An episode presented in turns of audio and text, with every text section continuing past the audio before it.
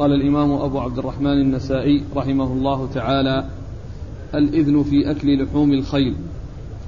قال أخبرنا قتيبة وأحمد بن عبدة قال حدثنا حماد عن عمرو وهو ابن دينار عن محمد بن علي عن جابر رضي الله عنه أنه قال نهى وذكر رسول الله صلى الله عليه وآله وسلم يوم خيبر عن لحوم الحمر وأذن في الخيل.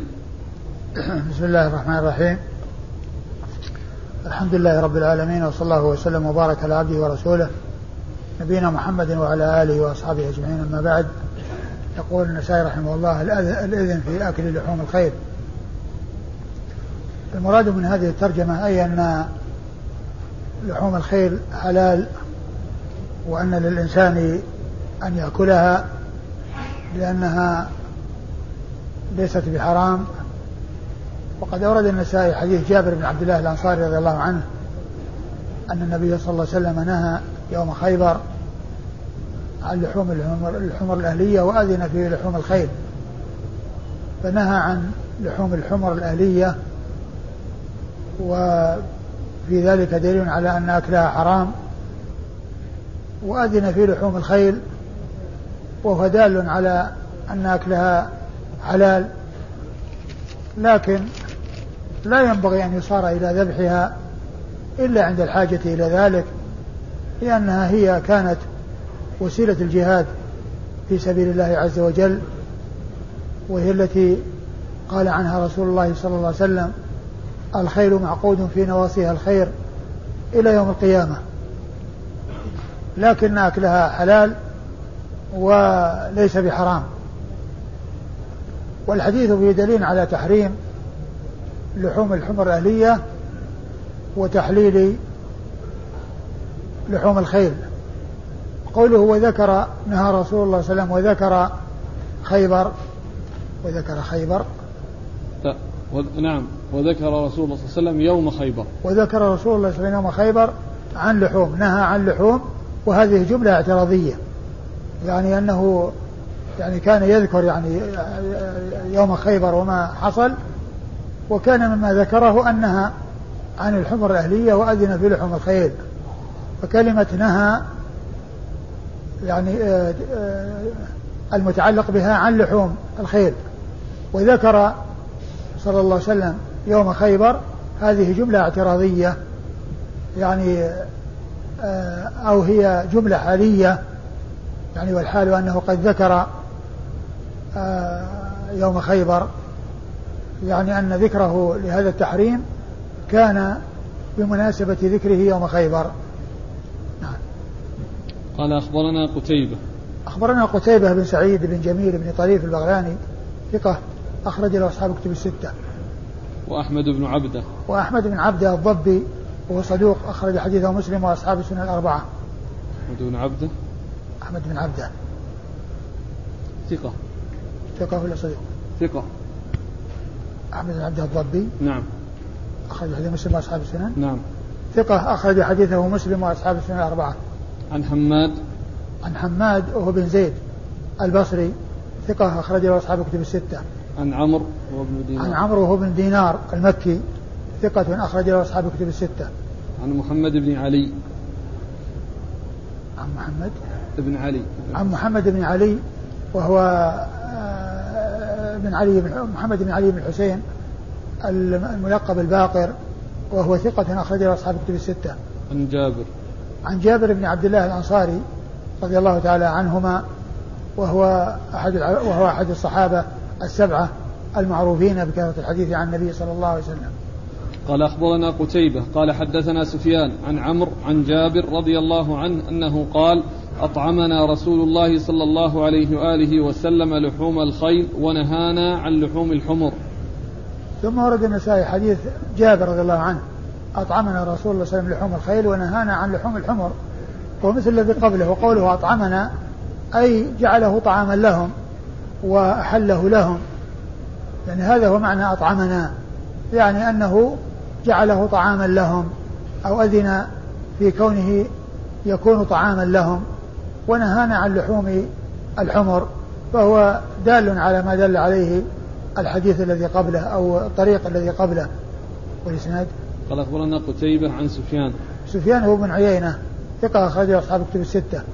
عن عمرو عن جابر. عن عمرو جاء عن جابر وقد مر ذكرهما. وهذا رباعي من أعلى الأسانيد عند النسائي. قال أخبرنا الحسين بن حريث قال حدثنا الفضل بن موسى عن الحسين وهو ابن واقد. عن أبي الزبير عن جابر وعمرو بن دينار عن جابر وعن ابن أبي نجيح عن جابر وعمرو بن دينار.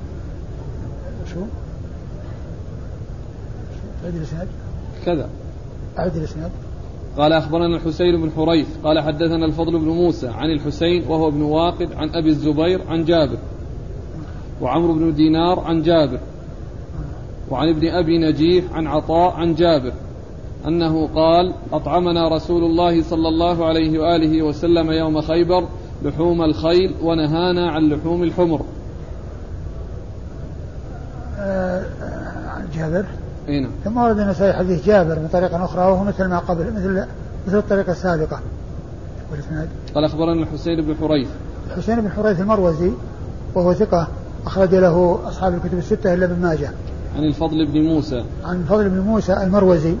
وهو ثقة أخرج له أصحاب الكتب الستة. عن الحسين هو ابن واقد. عن الحسين هو ابن واقد المروزي وهو ثقة أخرج له أصحاب الكتب.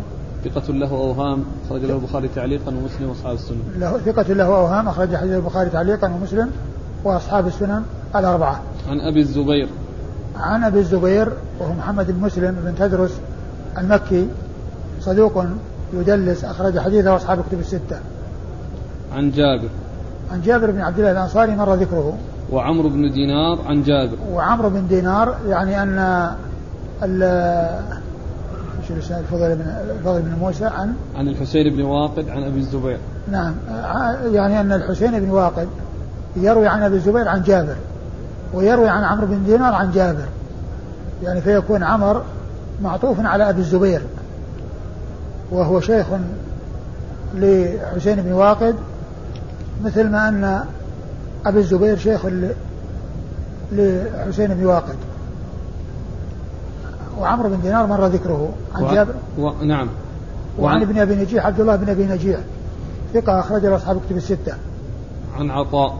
عن عطاء بن أبي رباح المكي ثقة أخرج له أصحاب كتب الستة. عن جابر. عن جابر وقد مر ذكره. قال أخبرنا علي بن حجر قال حدثنا عبيد الله وهو ابن عمرو.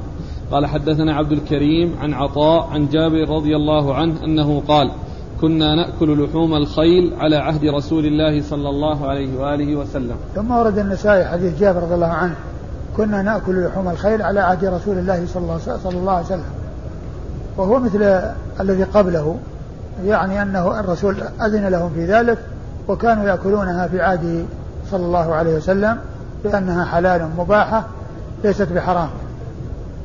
والإسناد قال أخبرنا علي بن حجر علي بن حجر بن بن إياس المروزي السعدي ثقة أخرج له أصحاب الكتب الستة. علي أخرجه البخاري ومسلم والترمذي والنسائي. عن عبيد الله هو ابن عن عمرو عبيد الله هو بن عمرو وهو الرقي وهو ثقة ثقة ربما وهم ثقة ربما وهم أخرج له أصحاب الكتب الستة. عن عبد الكريم عن عن عبد الكريم بن مالك الجزري وهو ثقة أخرج له أصحاب الكتب الستة. عن عطاء عن جابر عن عطاء بن أبي رباح عن جابر وقد مر ذكرهما. قال رحمه الله تعالى تحريم أكل لحوم الخيل. قال أخبرنا إسحاق بن إبراهيم قال أخبرنا بقية بن الوليد قال حدثنا ثور بن يزيد عن صالح بن يحيى بن المقدام بن معد كرب عن أبيه عن جده رضي الله عنه عن خالد بن الوليد رضي الله عنه أنه سمع رسول الله صلى الله عليه وآله وسلم يقول لا يحل أكل لحوم الخيل والبغال والحمير. ثم ورد النسائي هذه الترجمة وهي تحريم. أكل لحوم الخيل تحريم أكل لحوم الخيل لما ذكر الترجمة السابقة وهي الإذن في أكل لحوم الخيل أورد هذه الترجمة وهي تحريم أكل لحوم الخيل ولم يثبت في ذلك عن رسول الله صلى الله عليه وسلم شيء لأن الذي ثبت هو حل أكلها كما جاء في حديث جابر من الطرق المتعددة. التي مرت. وأما هذه الترجمة عقدها النسائي وأورد ما ورد تحتها ومنها حديث أبي هريرة. خالد. عن خالد بن الوليد رضي الله عنه قال نهى رسول الله صلى الله عليه وسلم عن أكل لحوم الخيل والبغال والحمير. و والحديث لا يصح لأن في إسناده رجلان أحدهما مجهول الحال والثاني لين الحديث والإسناد. قال أخبرنا إسحاق بن إبراهيم إسحاق بن إبراهيم مخلد بن راهوية الحنظلي المروزي ثقة أخرج له أصحاب كتب الستة إلا ابن ماجه عن بقية بن الوليد عن بقية بن الوليد وهو صدوق كثير التدليس عن الضعفاء أخرج حديثه البخاري تعليقا ومسلم وأصحاب السنن الأربعة. عن ثور بن يزيد. عن ثور بن يزيد وهو ثقة أخرج له أصحاب كتب الستة. ثور بن يزيد. ثور بن يزيد. أظن صححناه. إيش قلنا؟ البخاري وأصحاب السنن ما أخرج له. البخاري وأصحاب السنن؟ إيه. ما خرج له مسلم؟ لا لأنه كان كاتب هو عين. تقريب عين؟ اي وصححناها بعد ذلك حتى في نسخة أبي الأشبال ثور بن يزيد الحمصي البخاري وأصحاب السنن أصحاب السنن بس؟ اي والبخاري اي والبخاري ما في ما في مسلم اي لكنه يعني البخاري وأصحاب السنن نعم. هذه في نسخة ابي الأشبال؟ اي ثور بن يزيد مو نعم ثور بن زيد. نعم ثور بن ثور بن يزيد. أخرج حديثه البخاري وأصحاب السنن الأربعة. أنا كنت أظن أصحاب الكتب. عن عن صالح بن يحيى بن المقدام بن معدي كرب. عن صالح بن يحيى بن المقدام معدي كرب وهو لين الحديث. أخرج حديث أبو داود والنسائي وابن ماجه. عن أبيه. عن أبيه وهو مستور. وهي تعادل مجهول الحال وحديثه أخرجه أبو داود والنسائي وابن ماجه. عن جده. عن جده المقدام بن معدي كرب وهو صحابي أخرج حديثه. البخاري وأصحاب السنن. البخاري وأصحاب السنن. عن خالد بن خالد بن الوليد. رضي الله عنه قد أخرج حديث أصحاب الكتب الستة إلى الترمذي. قال أخبرنا كثير بن عبيد قال حدثنا بقية عن ثور بن يزيد عن صالح بن يحيى بن المقدام بن معد كرب عن أبيه عن جده عن خالد بن الوليد رضي الله عنهما أن النبي صلى الله عليه وآله وسلم نهى عن أكل لحوم الخيل والبغال والحمير وكل ذي ناب من السباع. ثم ورد النسائي حديث خالد بن الوليد من طريق أخرى وهو مثل ما تقدم فيما يتعلق بالنهي عن لحوم الخير والحمير والبغال والحمير وعن أكل كل ذي ناب من السباع. أكل كل ذي ناب من السباع هذا تقدم فيه أحاديث عديدة ثابتة عن رسول الله صلى الله عليه وسلم. وأما فيما يتعلق بالتحريم لحوم الخيل فلم يثبت في ذلك سنة عن رسول الله صلى الله عليه وسلم. والإسناد مر إلا كثير بن عبيد الحمصي وهو ثقة أخرج حديثه أبو داود والنسائي بن ماجه. نعم. ثقة أخرج حديثه أبو داود والنسائي وابن ماجه. قال أخبرنا محمد بن المثنى عن عبد الرحمن عن سفيان عن عبد الكريم عن عطاء عن جابر رضي الله عنه أنه قال كنا نأكل لحوم الخيل. قلت البغال؟ قال لا. ثم ورد النسائي حديث جابر رضي الله عنه وهو يعني لا يتعلق بالترجمة وإنما يتعلق بالترجمة السابقة وهي الإذن في لحوم أكل الخيل أكل لحوم الخيل وهو لا يدل على تحريم لحوم الخيل بل هو يدل على العكس. قال إيش؟ قال كنا نأكل لحوم الخيل. قلت قال البغال. كنا, كنا نأكل لحوم الخيل. قلت هو البغال؟ قال لا. فهو مثل أو قريب من الحديث الآخر حديث في الباب السابق. قال كنا نأكل لحوم الخيل على عهد رسول الله صلى الله عليه وسلم. فالحديث لا يدل على الترجمه وهو دال على الترجمة السابقة. وعلى هذا فلم يثبت عن النبي صلى الله عليه وسلم في تحريم لحوم الخيل شيء. وإنما الذي ثبت هو حلها وإباحتها لكن كما ذكرت لا ينبغي أن يصار إلى ذبحها إلا عند الحاجة إلى ذلك وتكون حلالا وذلك لأنها وسيلة الجهاد في سبيل الله عز وجل كما جاء في الحديث الخيل معقود في نواصيها الخير إلى يوم القيامة. والبقال كذلك ما يجوز أكلها مثل الحمير. قال أخبرنا محمد بن المثنى. محمد بن المثنى أبو موسى العنزي الملقب الزمن البصري ثقة أخرج له أصحاب الكتب الستة بل هو شيخ لأصحاب الكتب الستة. عن عبد الرحمن. عبد الرحمن بن مهدي البصري ثقة أخرج له أصحاب الكتب الستة. عن سفيان. عن سفيان بن الثوري سفيان بن سعيد المسروق الثوري ثقة أخرج له أصحاب الكتب الستة. عن عبد الكريم عن عطاء عن جابر. عن عبد الكريم مالك الجزري عن عطاء عن جابر وقد مر ذكرهم. قال رحمه الله تعالى تحريم أكل لحوم الحمر الأهلية. قال أخبرنا محمد بن منصور والحارث بن مسكين قراءة عليه وأنا أسمع واللفظ له. عن سفيان عن الزهري عن الحسن بن محمد وعبد الله بن محمد عن أبيهما أنه قال قال علي لابن عباس رضي الله عنهم إن النبي صلى الله عليه وآله وسلم نهى عن نكاح المتعة وعن لحوم الحمر الأهلية يوم خيبر. ثم ورد النسائي هذه الترجمة وهي تحريم أكل لحوم الحمر تحريم أكل تحريم أكل لحوم الحمر الأهلية. آه، أورد النسائي حديث علي. حديث علي بن أبي طالب رضي الله عنه أنه قال لابن عباس أن النبي صلى الله عليه وسلم نهى عن متعة النساء عن نكاح المتعة. عن نكاح المتعة وعن أكل لحوم الحمر الأهلية. والمقصود منه الجملة الثانية وهو دال على أمرين. تحريم المتعة لمتعة النساء ومتعة النساء هي نكاح المرأة إلى أجل يعني اتفاق في الزواج إلى أجل معلوم. إذا جاء ذلك الأجل انتهى عقد الزواج وكان ذلك يعني مباحا ولكنه حرم وبقي التحريم هو الباقي وصار نكاح المتعة آه، منسوخ. وكذلك أيضا دل على ما, ما ترجم له وهو تحريم لحوم الحمر الأهلية. قال أخبرنا محمد بن منصور. محمد بن منصور الجواز المكي ثقة أخرج له آه، النسائي وحده. والحارث بن مسكين. والحارث بن مسكين المصري ثقة أخرج حديث أبو داود النسائي. عن سفيان وابن عيينة ثقة أخرج أصحاب كتب الستة. عن الزهري. عن الزهري محمد بن مسلم بن عبيد الله بن شهاب الزهري ثقة فقيه أخرج أصحاب كتب الستة. عن الحسن بن محمد. عن الحسن بن محمد وأخيه عبد الله بن الحسن عبد الله بن محمد. عبد الله بن محمد وهما ابن محمد بن الحنفية وكل منهما ثقة أخرج له أصحاب كتب الستة. عن, عن أبيهما محمد بن علي بن أبي طالب وهو المشهور بابن الحنفية وهو ثقة أخرج له أصحاب كتب الستة. عن أبيه علي بن أبي طالب رضي الله تعالى عنه هو أمير المؤمنين ورابع الخلفاء الراشدين الهادين المهديين رضي الله تعالى عنه وعنهم وعن الصحابة أجمعين وحديثه أخرجه أصحاب كتب الستة. قال أخبرنا سليمان بن داود قال حدثنا عبد الله بن وهب عبد الله بن وهب قال أخبرني يونس ومالك وأسامة عن ابن شهاب عن الحسن وعبد الله ابني محمد عن أبيهما عن علي بن أبي طالب رضي الله عنه أنه قال نهى رسول الله صلى الله عليه وآله وسلم عن متعة النساء يوم خيبر وعن لحوم الحمر الإنسية.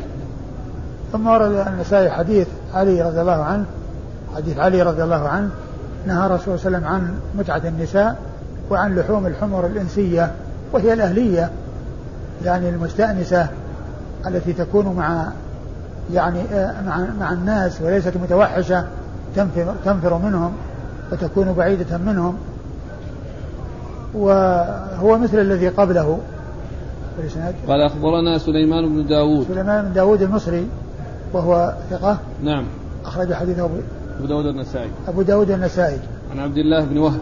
عن عبد الله بن وهب المصري ثقة فقيه أخرج له أصحاب الكتب الستة. عن يونس. عن يونس بن يزيد الأيلي ثم المصري ثقة أخرج له أصحاب الكتب الستة. ومالك. ومالك بن أنس إمام دار الهجرة الإمام المشهور. وأسامة بن زيد الليثي صدوق ربما دلس صدوق يهم. صدوق يهم.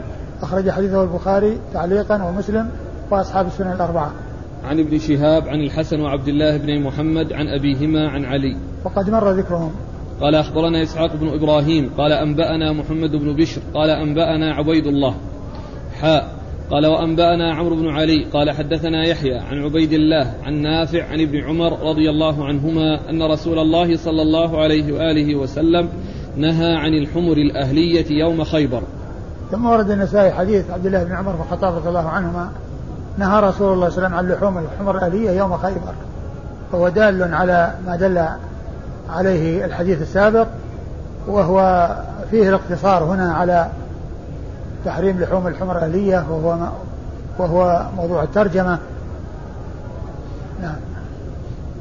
قال أخبرنا إسحاق بن إبراهيم.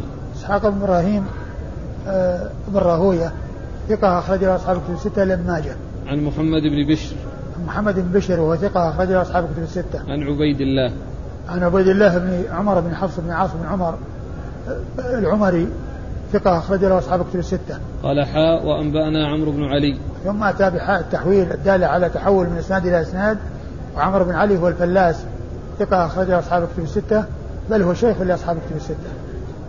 عن يحيى عن يحيى القطان يحيى بن سعيد القطان ثقة أخرج له أصحاب كتب الستة. عن عبيد الله عن نافع. عن عبيد الله عن نافع هو مولى بن عمر وحديثه أخرجه أصحاب كتب الستة. عن عبد الله بن عمر بن الخطاب رضي الله عنهما صحابي صاحب رسول الله صلى الله عليه وسلم وهو أحد العبادلة الأربعة من أصحاب النبي عليه الصلاة والسلام وأحد السبعة المعروفين بكثرة الحديث عن النبي صلى الله عليه وسلم قال أخبرنا إسحاق بن إبراهيم قال أخبرنا محمد بن عبيد قال حدثنا عبيد الله عن نافع عن ابن عمر رضي الله عنهما أن النبي صلى الله عليه وآله وسلم مثله ولم يقل خيبر. ثم أورد النسائي حديث ابن عمر. حديث ابن عمر وهو مثل الذي قبله إلا أن فيه ليست ليس فيه يعني كلمة يوم خيبر وإنما نهى عن لحوم الحمر أهلية ولم يعين الوقت. يعني ومن المعلوم أن الحديث واحد وجاء يعني في هذا في السابق ذكر آه، أنه كان يوم خيبر وهنا ما جاء ذكر أنه يوم خيبر. قال أخبرنا إسحاق بن إبراهيم عن محمد بن عبيد. إسحاق بن إبراهيم مر ذكره محمد بن عبيد هو ابن ابن أبي أمية الطنافسي هو ثقة أخرج له أصحاب كتب الستة. عن عبيد الله عن نافع ما أدري الطبقة اللي ذكرها. يعني طبقته يعني متأخرة ذكرها متأخرة وهي متقدمة. الطبقة الحادية عشر. نعم. قال من الحادية عشرة. الحادية عشرة مع أنه مع أنه توفي سنة 204 يعني هو يعني مات في السنة التي مات فيها الشافعي سنة 204 فهو لا يكون من العاشر من التاسع من الحادي عشر. الحادي عشر متأخرة. يعني يعني العبارة ليست بصحيحة. يعني يمكن يكون التاسعة أو العاشرة.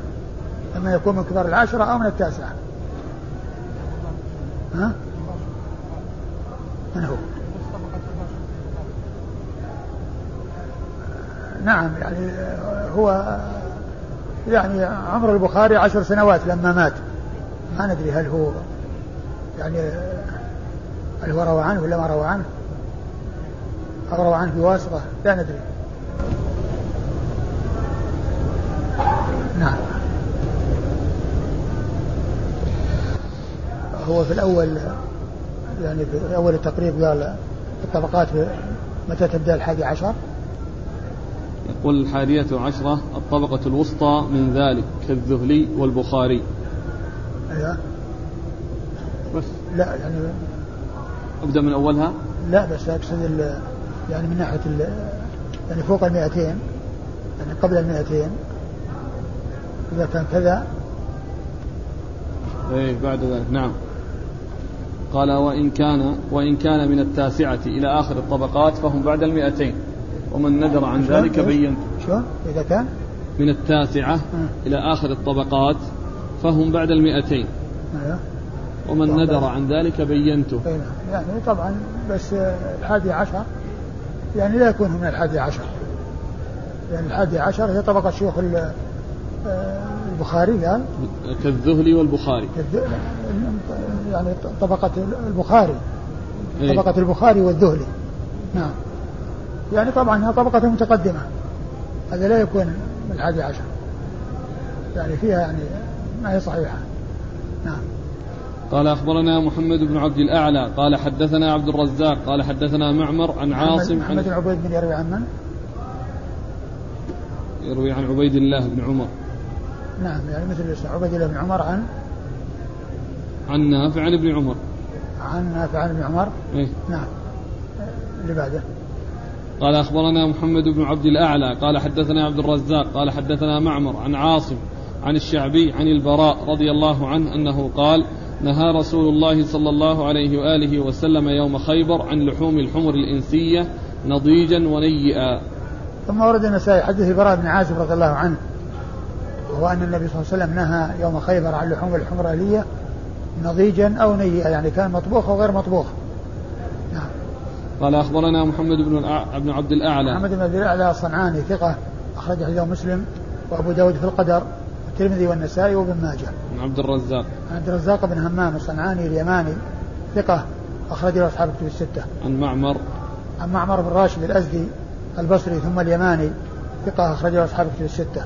عن عاصم عن عاصم بن سليمان الأحول ثقة أخرج له أصحاب الكتب الستة. عن الشعبي عن الشعبي عامر بن شراحيل الشعبي ثقة فقيه أخرج له أصحاب الكتب الستة. عن البراء عن البراء بن عازب رضي الله تعالى عنهما وحديثه أخرجه أصحاب الكتب الستة. قال أخبرنا محمد بن عبد الله بن يزيد المقرئ. قال حدثنا سفيان عن أبي إسحاق الشيباني عن عبد الله بن أبي أوفى رضي الله عنه أنه قال أصبنا يوم خيبر حمرا خارجا من القرية فطبخناها. فنادى منادي النبي صلى الله عليه وآله وسلم إن رسول الله صلى الله عليه وآله وسلم قد حرم لحوم الحمر فأكفئوا القدور بما فيها فأكفأناها. ثم ورد النسائي حديث عبد الله بن أبي أوفى رضي الله عنه أنهم أصابوا حمرا أهلية يوم خيبر وأنهم طبخوها ولما علم بذلك رسول الله صلى الله عليه وسلم أمر منادي ينادي أن رسول الله صلى الله عليه وسلم حرم لحوم الحمر الأهلية فأكفئوا القدور بما فيها فأكفؤوها. يعني أن هذا العمل الذي عملوه من طبخها آه، أمروا بأن يكفئوا القدور لأن لحمها لأن أكلها حرام فأكفأ القدور تنفيذا لأمر رسول الله صلى الله عليه وسلم. نعم. قال أخبرنا محمد بن عبد الله بن يزيد المقرئ. محمد بن عبد الله بن يزيد المقري المكي ثقة أخرج حديثه النسائي وابن ماجه. عن سفيان. عن سفيان وهو بن عيينة. عن أبي إسحاق الشيباني. عن أبي إسحاق الشيباني هو سليمان بن أبي سليمان. ثقة أخرج له أصحاب كتب الستة. عن عبد الله بن أبي أوفى. عن عبد الله بن أبو بن أبي أوفى رضي الله عنه. صاحب رسول الله صلى الله عليه وسلم وحديثه أخرجه أصحاب الكتب الستة. قال أخبرنا محمد بن عبد الله بن يزيد قال حدثنا سفيان عن أيوب عن محمد عن أنس رضي الله عنه أنه قال صبح رسول الله صلى الله عليه وآله وسلم خيبر فخرجوا إلينا ومعهم المساحي فلما رأونا قالوا محمد والخميس ورجعوا إلى الحصن يسعون. فرفع رسول الله صلى الله عليه وآله وسلم يديه ثم قال الله أكبر الله أكبر خربت خيبر إنا إذا نزلنا بساحة قوم فساء صباح المنذرين فأصبنا فيها حمرا فطبخناها فنادى منادي النبي صلى الله عليه وآله وسلم فقال إن الله عز وجل ورسوله ينهاكم عن لحوم الحمر فإنها رجس. ثم ورد النسائي حديث أنس بن مالك رضي الله عنه في الدال على ما دلت عليه الحديث السابقة من تحريم أكل لحوم الخيل وفيه التعليل بأنها رجس يعني أنها نجسة وفيه بيان العلة. ويقول أنس أنهم لما صبحوا يعني أنهم لما وصلوا قال قدمنا قدمنا خيبر ولا إيش؟ صبح رسول صبح رسول الله صلى الله عليه وآله وسلم خيبر. صبح رسول الله صلى الله عليه وسلم خيبر يعني وصلها في الصباح. وخرجوا ومعهم مساحي ليذهبون ليذهبوا إلى حروثهم للعمل والمساحي جمع مسحات. وهي الآلة التي تحرث بها الأرض. يعني فلما رأوا النبي صلى الله عليه وسلم وأصحابه قالوا محمد والخميس. يعني محمد والجيش. والخميس هو الجيش. ويقال للجيش خميس لأنه يكون من خمسة يعني آه، أجزاء. مقدمة ومؤخرة وميمنة وميسرة وقلب التي هي الوسط. فيقال له الخميس. قالوا محمد والخميس يعني محمد والجيش. ثم انصرفوا إلى حصونهم مسرعين. فرفع يده الرسول يديه وقال الله أكبر الله أكبر إنا إذا نزلنا ساحة قوم فساء صباح المنذرين وقال خربت خيبر. وبعدين؟ إيش؟ فأصبنا فيها حمرا فطبخناها. قال و و فأصبنا حمرا فطبخناها. وهذا هو محل الشاهد للترجمة. إيش بعدين؟ فنادى منادي النبي صلى الله عليه وسلم إن الله عز وجل ورسوله ينهاكم عن لحوم الحمر فإنها رجس. ثم نادى منادي رسول الله صلى الله عليه وسلم إن الله ورسوله ينهاكم عن لحوم الحمر فإنها رجس وهذا فيه التعليل وقوله إن الله ورسوله ينهاكم يعني آه إما أن يكون المقصود إن الله ينهاكم يعني ورسوله ينهاكم أن الله ينهاكم ورسوله ينهاكم فيكون آه، ينهاكم يرجع إلى الرسول صلى الله عليه وسلم يرجع إلى الله ويكون رسول أيضا آه، يخبر عنه كما أخبر عن الله بكونه ينهى كما نهى رسول الله صلى الله عليه وسلم. أو أنه يعني أضي أن أن الضمير يرجع إلى الله عز وجل والرسول يعني على اعتبار أنه مبلغ يعني أضيف التحريم إلى الله عز وجل والرسول مبلغ. أو أنه أضيف إلى الرسول عليه الصلاة والسلام ويعني يكون على اعتبار أنه مبلغ يعني وأضيف التحريم إليه لأنه مبلغ التحريم عن الله عز وجل ويعني ففي احتمالات يعني من ناحية كون ذكر آه، الله عز وجل ورسوله صلى الله عليه وسلم وجاء الخبر بلفظ الواحد فهو إما أن يرجع إلى الأول ويكون الثاني يخبر عنه كما أخبر عن الأول أو يرجع إلى الثاني ويكون ذكر الله عز وجل يعني إما تبركا أو لأن الرسول صلى الله عليه وسلم هو الذي بلغ عن الله شرعه فأضيف إليه. قال فإنها رجس. فإنها رجس نعم. نجسة؟ نعم. قال أخبرنا محمد نجسة كيف؟ يعني لأن كما هو معلوم يعني ال ال ال ال المحرم أكله يعني سواء كان ميتا أو ذبح لأن الذبح لا يفيد شيئا. لأن الذبح لا يفيد يعني محرم الأكل يعني شيئا. لأن الزكاة إنما تنفع فيما هو حلال الأكل. وأما إذا كان حرام الأكل فسواء ذكي أو مات بدون تذكية يعتبر يعني آه، ميتة ويكون نجسا. لا لكن في حال الحياة لعابه وعرقه. لا لا حال الحياة يعني كما هو معلوم حال الحياة يعني يركب عليه وعرقه يعني ليس فيه شيء يعني وقد كانوا يركبون ويصيبهم العرق. نعم. لكن الكلام على يعني كونها تؤكل يعني هي نجسة لأنها مثل الميتة لأن الزكاة فيها ما تنفع. الزكاة لا لا تغير فيها شيئا ذكيت أو لم تذكى هي ميتة. ومن المعلوم أن مأكول اللحم إذا مات يعتبر يعني نجس ويكون ميتة. وهذا ذبح أو لم يذبح هو ميتة. قال أخبرنا محمد بن عبد الله بن يزيد عن سفيان عن أيوب. أيوب هو ابن أبي تميم السختياني ثقة أخرجه أصحاب كتب الستة. عن محمد. عن محمد هو بن سيرين البصري ثقة أخرجه أصحاب كتب الستة. عن أنس. عن أنس بن مالك رضي الله عنه خادم رسول الله عليه الصلاة والسلام وأحد السبعة المعروفين بكثرة الحديث عن النبي صلى الله عليه وسلم. قال أخبرنا عمرو بن عثمان قال أخبرنا بقية عن بحير عن خالد بن معدان عن جبير بن نفير عن أبي ثعلبة الخشني رضي الله عنه أنه حدثهم أنهم غزوا مع رسول الله صلى الله عليه وآله وسلم إلى خيبر والناس جياع فوجدوا فيها حمرا من حمر الإنس. فذبح الناس منها فحدث بذلك النبي صلى الله عليه وآله وسلم. فأمر عبد الرحمن بن عوف فأذن في الناس. ألا إن لحوم الحمر الإنس ألا إن لحوم الحمر الإنس. لا تحل لمن يشهد أني رسول الله.